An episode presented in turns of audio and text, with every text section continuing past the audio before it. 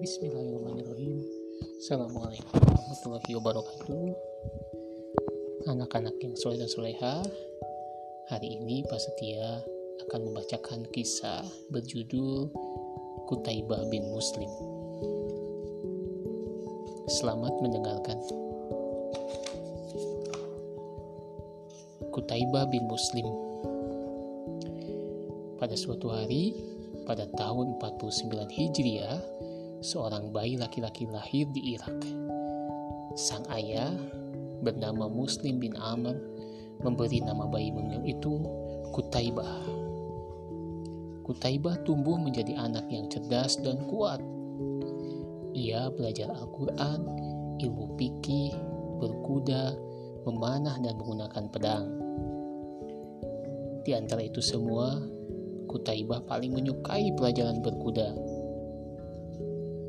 Tahun berganti tahun, Kutaibah kini menjadi seorang pemuda gagah.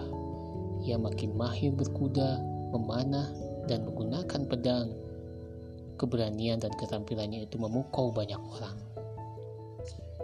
Saat itu, Islam berkembang cukup pesat di Irak Gubernur Irak memerintahkan rakyat laki-laki untuk berjuang mengembangkan wilayah Islam. Demikian pula dengan Kutaibah. Ia bergabung dengan pasukan Muslim Irak. Sang panglima perang, Muhallab bin Abi Safrah, mengetahui berbagai ketangkasan yang dimiliki oleh Kutaibah. Ia kemudian mengajak Kutaibah menjadi bagian dari pasukannya.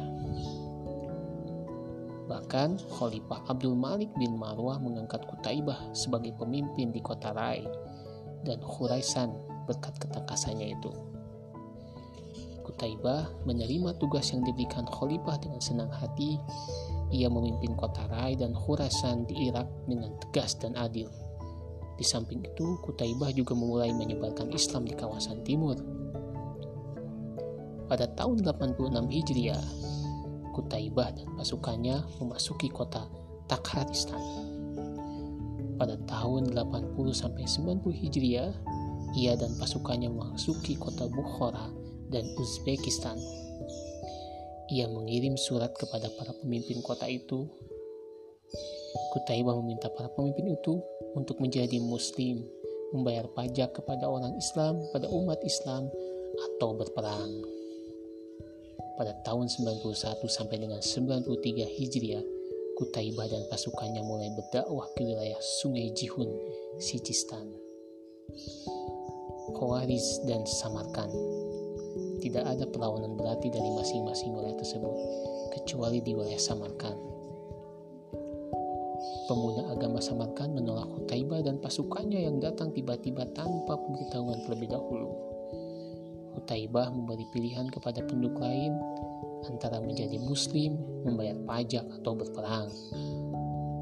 Tapi tidak demikian dengan kami, lapor pemuka agama itu kepada Amirul Mukminin. Khalifah saat itu Umar bin Abdul Aziz kemudian mengangkat seorang hakim yang diambil dari pasukan Kutaibah.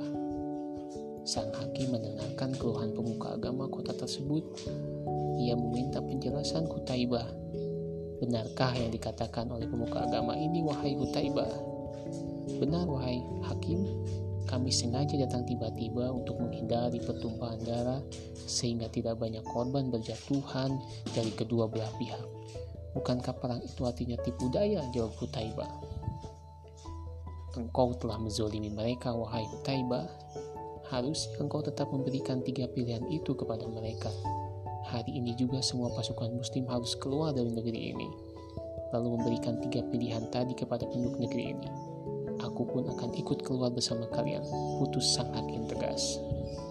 Hutaibah menerima keputusan sang hakim. Ia mengajak pasukannya keluar dari kota Samarkand, kemudian ia memberikan tiga pilihan kepada penduduk Samarkand. Penduduk Samarkand takjub melihat keindahan hukum Islam. Mereka akhirnya menerima Islam sebagai agama mereka tahun 94 sampai 96 Hijriah, Utaibah dan pasukannya berhasil menguasai daerah Sungai Seihan dan kota di sekitarnya. Selanjutnya, Utaibah memasuki kota Kasgar, wilayah Tiongkok. Penduduk kota ini pun menerima Islam sebagai agama mereka. Utaibah bin Muslim wafat pada tahun 96 Hijriah.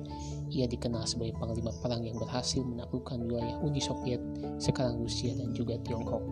Semoga Allah Subhanahu wa taala meridhoi Utaibah dan pasukannya. Demikian cerita singkat ini. Assalamualaikum warahmatullahi wabarakatuh.